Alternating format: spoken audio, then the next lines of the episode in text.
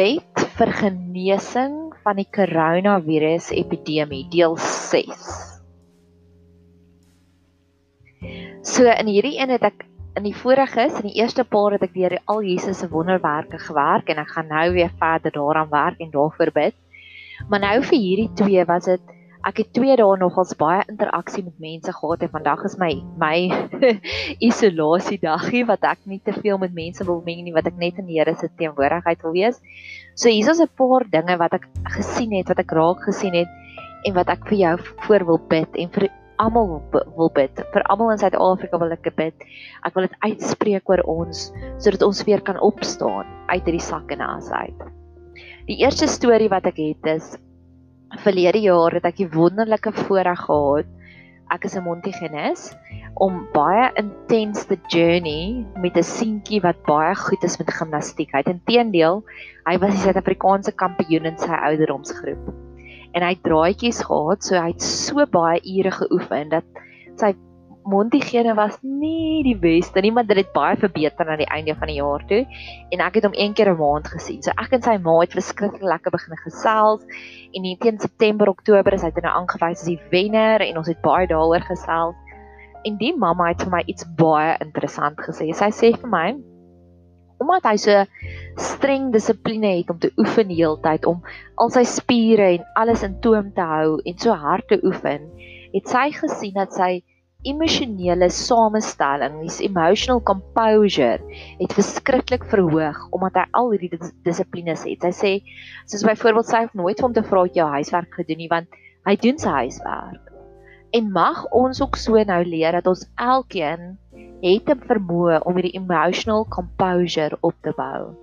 Ek het self ook dinge wat ek preek vir mense, dinge wat ek sê vir mense, die boodskappe wat ek gee, moes ek self nou weer in toepassing plaas om te sê dis my battle plan. Soos gister was ek by die werk en mense is negatief en mense is bang en jy word gebombardeer deur al die feite en jy kan die vrees sien, jy kan die hartseer sien, jy kan die teleurstelling sien.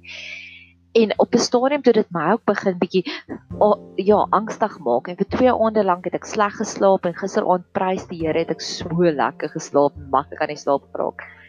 En op 'n stadium het ek net vir myself gesê Nadia spreek net woord uit en ek het konstant as ek alleen is dan spreek ek woord uit. Ek ek ken Psalm 91 uit my kop uit. Ek het Psalm 91 oor en oor gesê, ek het die wapenrusting oor en oor gesê en alle ander skrifgedeeltes en op 'n stadium kon ek letterlik voel dis weg. Of 'n ander manier wat ek het is om geestelike musiek aan te sit. Selfs al luister jy nie intens daarin. As jy geestelike musiek aansit in jou huis, in jou werksplek, wyk die gees van vrees. Waarvan is al die winkels wat nou so bang is vir die koronavirus? Waarvan is hulle net begin geestelike musiek speel die hele tyd? So mag jy ook intap in daardie maniere soos die gimnas weet dit het gewerk, dit is hoe dit werk. Mag God ons leer, ons elkeen uniek leer. Daar's 'n belofte in Jesaja wat sê God self sal ons leer. Mag hy ons leer wat is ons battle plan teen die spanning, teen die vrees, want ek glo die vrees is baie erger en dis eintlik meer waarvoor ek nou bid tans as vir die actual virus. So mag God onsself leer. Dalk is dit deur om skrif op te sê, dalk is dit deur om geestelike musiek te luister. Dalk is dit net om meer te bid, want dis wat my ook tans verskriklik baie help. Ek het hierdie intense begeerte net om te bid. Die tweede verhaal, dit sluit eintlik aan by hierdie vorige een is enige iets as ons slim genoeg is kan enige iets as 'n wapen gebruik word teen hierdie epidemie en mag die Here ons daarmee help en mag hy ons leer. Enige iets kan as 'n wapen gebruik word teen hierdie gesamentlike vyand wat ons as die hele wêreld saam het teen vrees. En die eerste storie wat ek het is verlede jaar op 'n stadium met ek het een van my vriendinne die lekkerste, hulle noem dit 'n bee sting koek vir ons gebring, nê? Nee? En die beesting koek was 'n laagie sponskoek en dan baie uh, vla en dan 'n laagie sponskoek en dan baie versuursuiker en dan laagie sponskoek en dan baie vla. En dit was een van die lekkerste koeke wat ek nog ooit in my hele lewe geëet het. Beesting koek. Doen jouself 'n guns, jy gaan koop vir jouself 'n beesting koek en eet dit saam met jou hele familie as 'n simboliese aksie om te sê ons gaan enigiets gebruik as 'n wapen teen hierdie vrees. En ek het die navorsing gaan doen oor waar kom want is so 'n vreemde naam, 'n baie steek koek, bysteek koek, nee, dis so 'n vreemde naam. En die storie was, ek kan nou nie, ek dink dit was in 'n Franse dorpie en jy, nou praat ek weer terug na Europa toe, so mag die Europeërs ook so leer om daai daai wapens te begin gebruik teen vrees. Want hulle dat dat meer mense besef maar ons is tans in 'n fisiese worstelstryd en 'n fisiese oorlog, 'n geestelike oorlog teen die gees van vrees. En die die die baie steekkoek of die beasting cake het begin in Frankryk waar die bakkers het gehoor, ek dink dit was die Ottoman Empire, gaan hierdie dorpie kom aanval.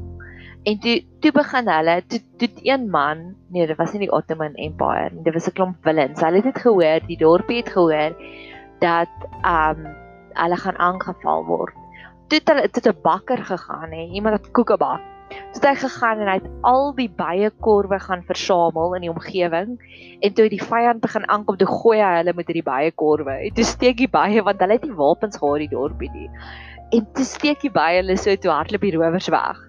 En dis en toe daarna toe om die bakker te vier om 'n feesviering te hê, toe, toe bak hulle hierdie koek in sy eer om te sê dankie dat jy ons dorpie beskerm het. En dit is maar een van die coolste stories ooit 'n baie korf het hulle gehelp.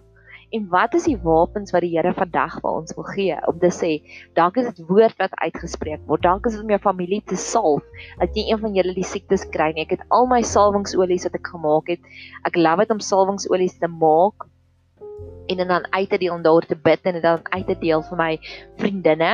So ek het hulle almal gaan haal. Hulle is gewoonlik in 'n kas en, en ek het hulle hierso langs my laptop gesit waar ek die podcast maak dat al hierdie seëning wat ek nou so oorspreek dat hulle almal in daai salwingsolie gaan en dan gaan ek dit uitdeel nê so dis een van my wapens wat ek gebruik salwingsolie om vir mense te sê moenie bang wees nie salf jouself. Want ek weet al hierdie seëning en al hierdie gebed en al hierdie hoop gaan nou in daai salwingsolie in.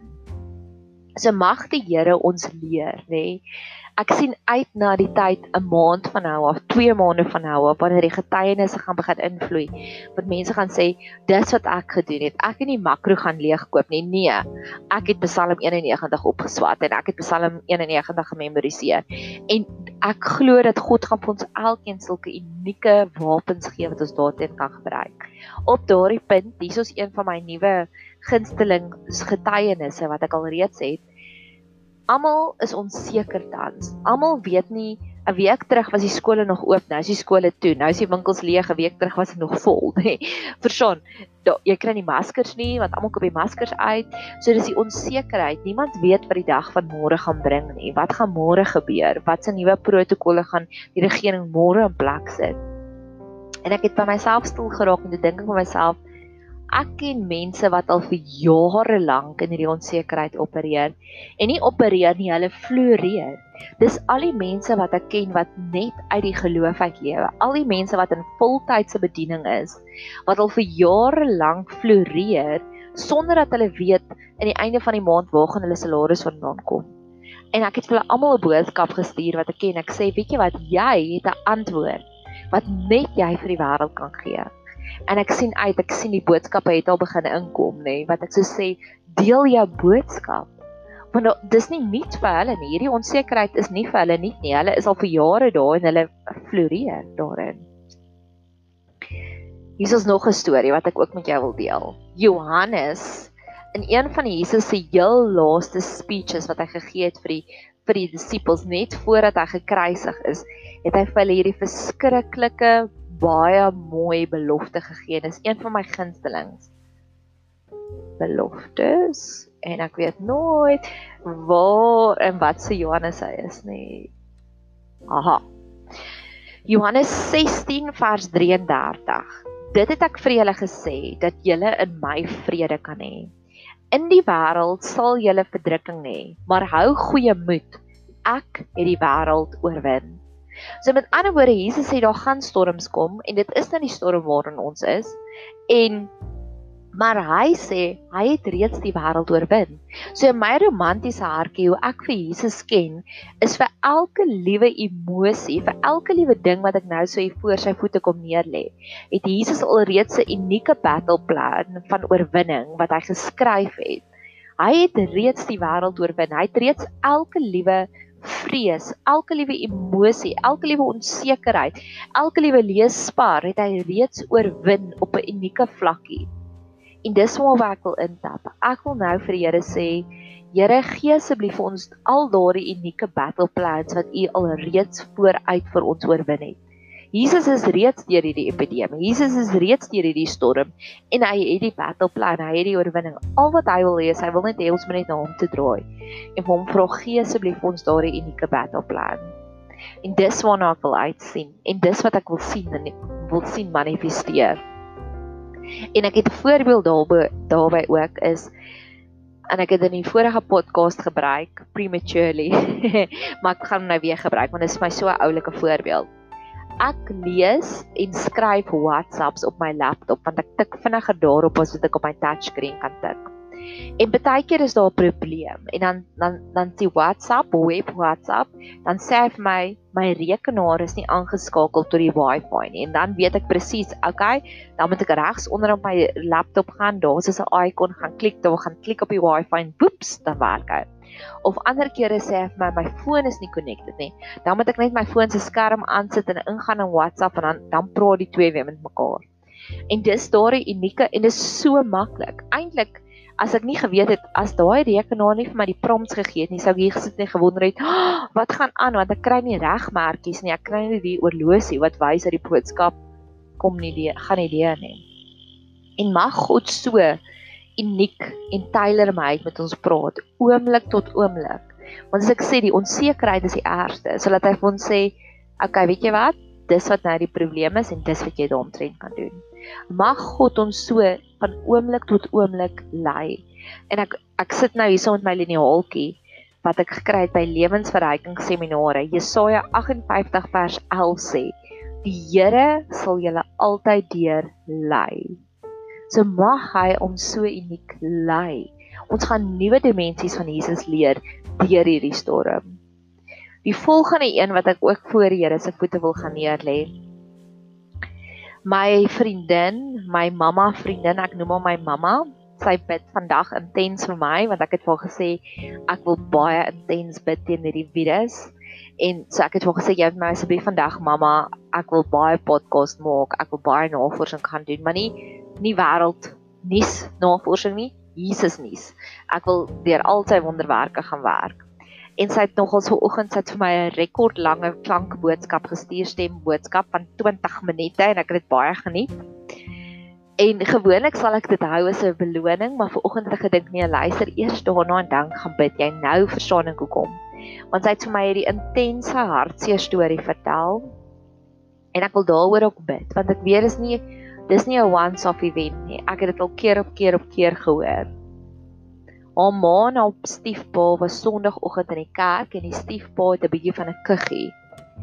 En toe die kerk uitkom, toe sê een van die ander tannies vir hulle: "Staan asseblief daar deur weg want ek is bang jy maak my siek en dalk het jy die koronavirus." En my vriendin sê my mamma vriendin sê haar ma was so hartseer want in plaas daarvan dat die kerkie plek was van empatie en omgee en medelee, was hulle dadelik geostracise van sê jy het 'n kuggie staan asseblief ver weg. En dit breek my hart want in plaas daarvan dat ons saam staan en saam met die ding oorwin en saam besef maar ons is saam in hierdie oorlog, hierdie geestelike oorlog teen die gees van vrees, ostracise hulle net die mense. En ek wil dit ook voor die Here se voete gaan neerlê om te sê Here, ek weet Johannes 16 vers 33 sê u het reeds die wêreld oorwin. Ek weet dat u 'n unieke pleister wat u kan gaan opplak op daardie eina en op enige iemand anders se eina wat al gevoel het maar hulle voel geostracise, hulle voel uitgeskop deur die tribe. So op daai punt, uitgeskop deur die tribe. Die Masahara, ek dink is die Masahara, Masai Mara in um Kenia dit gaan dit ek sit sit hom altyd sê hom altyd verkeerd in Kenia die Masai Mara ek was reg Masai mense een van die sterkste tribes en ek weet nie wat 'n tribe in Afrikaans nie in die wêreld, nê. Daai mense is verskriklik sterk. Hulle maak leeu's dood met hulle hande en um ja. En een van hulle dinge, nê, hoe hulle hulle hulle kolonies, nee, is nie kolonies, stam, hoe hulle is hulle stam so skoon hou is hulle is baie erg op dissipline. So as jy iets verkeerd gedoen het, wat hulle dan met jou doen, dan mag jy nie, ek dink iets soos 50 meter naby aan die stam kom nie. So hulle ostracise jou. Hulle skop jou uit die stam uit en jy staan stoksiel alleen daar. So jy is baie meer kwesbaar vir aanvalle van leeu's, vir slange wat jou kan pik. Want as jy in die gemeenskappe is, dan jy sterker. En dis hulle straf wat hulle doen vir die mense wat stout was. So die mense wat in daai stam is, doen alles reg want hulle is so bang hulle word geostracise, hulle word uitgeskop uit die stam uit. En dis wat hierdie siekte tans doen, is ons skop mense uit en dan dis juis in daardie een fout wat hulle vulnerable is, wat hulle kwesbaar is. Want dan sit hulle in die die duiwel het 'n het 'n heidey met hulle want hy stook hulle net en in plaas daarvan dat jy boodskappe van hoop kry, hoor jy net waar. So ek wil dit ook voor die Here se voete gaan sit en sê Here help ons asseblief. Dan wil ek ook bid teen al die fake nuus, teen al die vals nuus. Daar's soveel vals nuus wat in sirkulasie is tans wat sê ooh, dis wat gebeur en ooh en hierdie een maak 'n YouTube video en iemand sien dit en dit is dalk die waarheid en dalk jok hulle vir ons. Ek wil dit ook kom bid. Jesus sê julle sal die waarheid ken en die waarheid sal julle vrymaak. So actually, al wat ons nodig het is net radikaal meer Jesus want sodra ons sien maar eintlik is dit 'n fake news, dis vals nuus of dit word opgeblaas of dit word uit verband uitgeruk. So gaan ons dan meer vryheid kry. So ek wil ek wil dit rare waar intens voor die Here se voete gaan neer lê. En dan die laaste een waarmee ek wil afsluit in hierdie pot gooi en nou moet ek hom eers gaan soek. Daar's hierdie belofte, nee, hierdie nie 'n belofte nie. Wat sal ons dit nou noem? Daar's hierdie skrifgedeelte in Spreuke wat sê teleurstelling maak ons hart siek. Dis iets van hoop wat uitgeblaas word maak die hart siek. Is ek moet dit voor die tyd gaan opswat het, maar ek het nie gedink ons gaan so ver kom nie. Gewoonlik het ek baie punte en dan baie minder tyd. Ek het gister het het ek hierdie gesprek gehad met 'n persoon uit uh, Spreuke 13 vers 12. 'n Uitgestelde hoop maak die hart siek, maar 'n wens wat uitkom is 'n lewensboom. En ek wil dit ook voor die Here se voete gaan neersit. Die massa teleurstelling wat tans aangaan in die wêreld.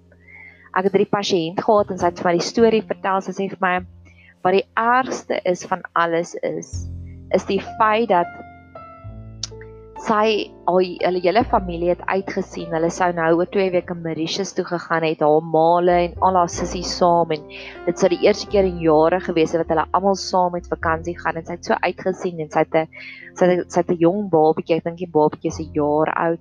So dit sou die eerste keer gewees het wat hulle as as 'n familie saam gegaan het. En nou is daar 'n 'n 'n reisban. Is dit 'n ban? 'n reisreël in plek gestel van jy mag nie meer internasionaal reis nie. En sy sê en dit is so hartseer en haar ma die eerste tekens van Alzheimer. So um dit is nogals vir haar baie baie erg. So ek kon sien ek sê vir haar heeltyd ek is so jammer. Ek is so jammer oor jou teleurstelling. En ek weet 'n massa 'n gesamentlike teleurstelling want ons almal het uitgesien na iets en nou ewe skielik is dit afgestel of is reisreëls of wat ook al die rede is. En ek wil dit ook voor die Here se voete gaan neersit want hy beloof daar is 'n 'n wens wat uitkom. So dit is 'n belofte en dis 'n lewensboom. So mag God asseblief inkom en daardie hy weet van elke individuele teleurstelling wat ons elkeen gehad het as gevolg en nog gaan hê as gevolg van hierdie epidemie en mag hy asseblief in die gap kom staan en ons soveel meer seën daarop want soos ek in die vorige pot gooi verduidelik het is ons almal connected. So as ons emosionele gesamentlike emosionele well-being gaan beter raak, welstand gaan beter raak, gaan ons makliker kan opstaan en terugveg teen hierdie vrees. So ek wil dit ook voor die Here se voete gaan neerlê. Mag jy 'n super geseënde dag hê verder.